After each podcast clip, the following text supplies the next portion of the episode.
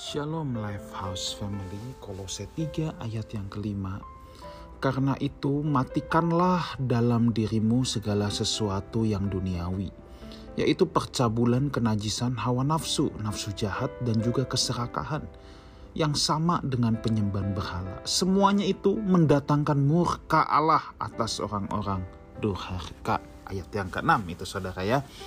Saudara, rupanya untuk segala sesuatu yang duniawi, yaitu percabulan, kenajisan, hawa nafsu, nafsu jahat, keserakahan, ya, itu tidak bisa ditengking dengan tumpang tangan. Kita yang harus matikan sendiri dalam diri kita. Perhatikan ini. Makanya di sini Paulus berkata, "Matikanlah dalam dirimu."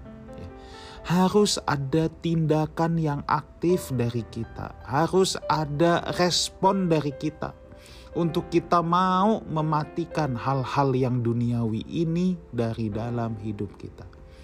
Percabulan, kenajisan, hawa nafsu, ini nggak bisa pergi dengan sendirinya. Kita yang harus proaktif, saudara, melawan hal ini, memberangus hal ini, membantai hal ini dalam kehidupan kita dan jangan kompromi dengan hal yang kecil-kecil, saudara. Jangan anggap ini hal yang kecil. Kenapa? Sebab ini semua mendatangkan murka Allah. Ya. Nafsu jahat, keserakahan, bahkan keserakahan itu disamakan loh dengan penyembahan berhala. Kenapa?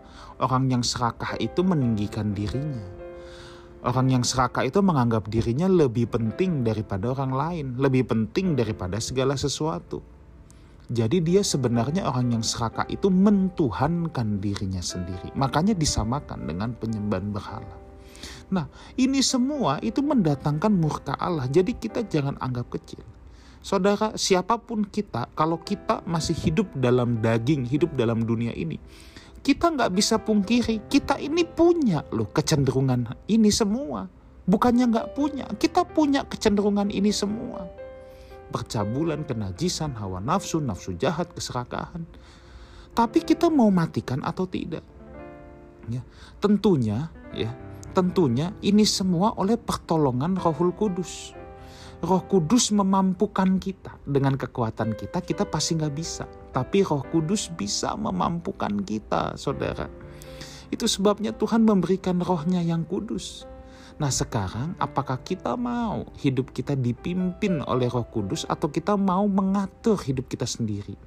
Kita mau memimpin hidup kita sendiri di sana persoalannya saudara. Ya, siapa yang mau jadi bos dalam hidup kita? Kalau kita mau menjadikan Roh Kudus jadi bos dalam hidup kita, ya jelas kita harus bersekutu dengannya. Bersekutu dalam doa, bersekutu dalam firman setiap pagi dari melek mata bangun Tuhan Yesus, kami menyerahkan hidup kami dalam tangan-Mu. Roh Kudus, Engkau guru kami yang agung, agar Engkau yang memimpin kami sepanjang hari. Apakah kita mendeklar hal itu untuk Roh Kudus memimpin jalan-jalan hidup kita? Kita katakan saudara setiap pagi bangun tidur, Tuhan aku tidak mau berjalan dalam kedaginganku. Aku mau berjalan menurut tuntunan rohmu.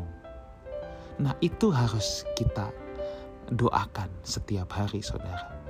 Ya, itu harus kita ingat terus dalam setiap langkah hidup kita. Roh Kudus pimpin aku, tolong aku. Dia roh yang lemah lembut. Kalau kita mau mengambil jalan kita sendiri, dia nggak akan memaksa juga, saudara. Tapi kita tidak akan pernah bisa matikan hal-hal duniawi itu yang mendatangkan murka Allah. Ya, jadi jelas kita harus matikan dengan pertolongan Roh Kudus. Roh Kudus yang akan memampukan dia yang menuntun kita, kata Alkitab, kepada segala kebenaran. Nah, kan Tuhan Yesus yang berkata, kalau roh kebenaran itu sudah turun, roh kudus, dia yang akan menuntun kamu dalam segala kebenaran. Nah, kalau kita tidak mau memberikan diri kita dituntun, ya bagaimana kita bisa dituntun? Bagaimana kita bisa dipimpin? Ya, itu sebabnya ayo matikan segala sesuatu yang duniawi, berserahlah pada roh Tuhan. Tuhan Yesus menyertai kita semua. Amin.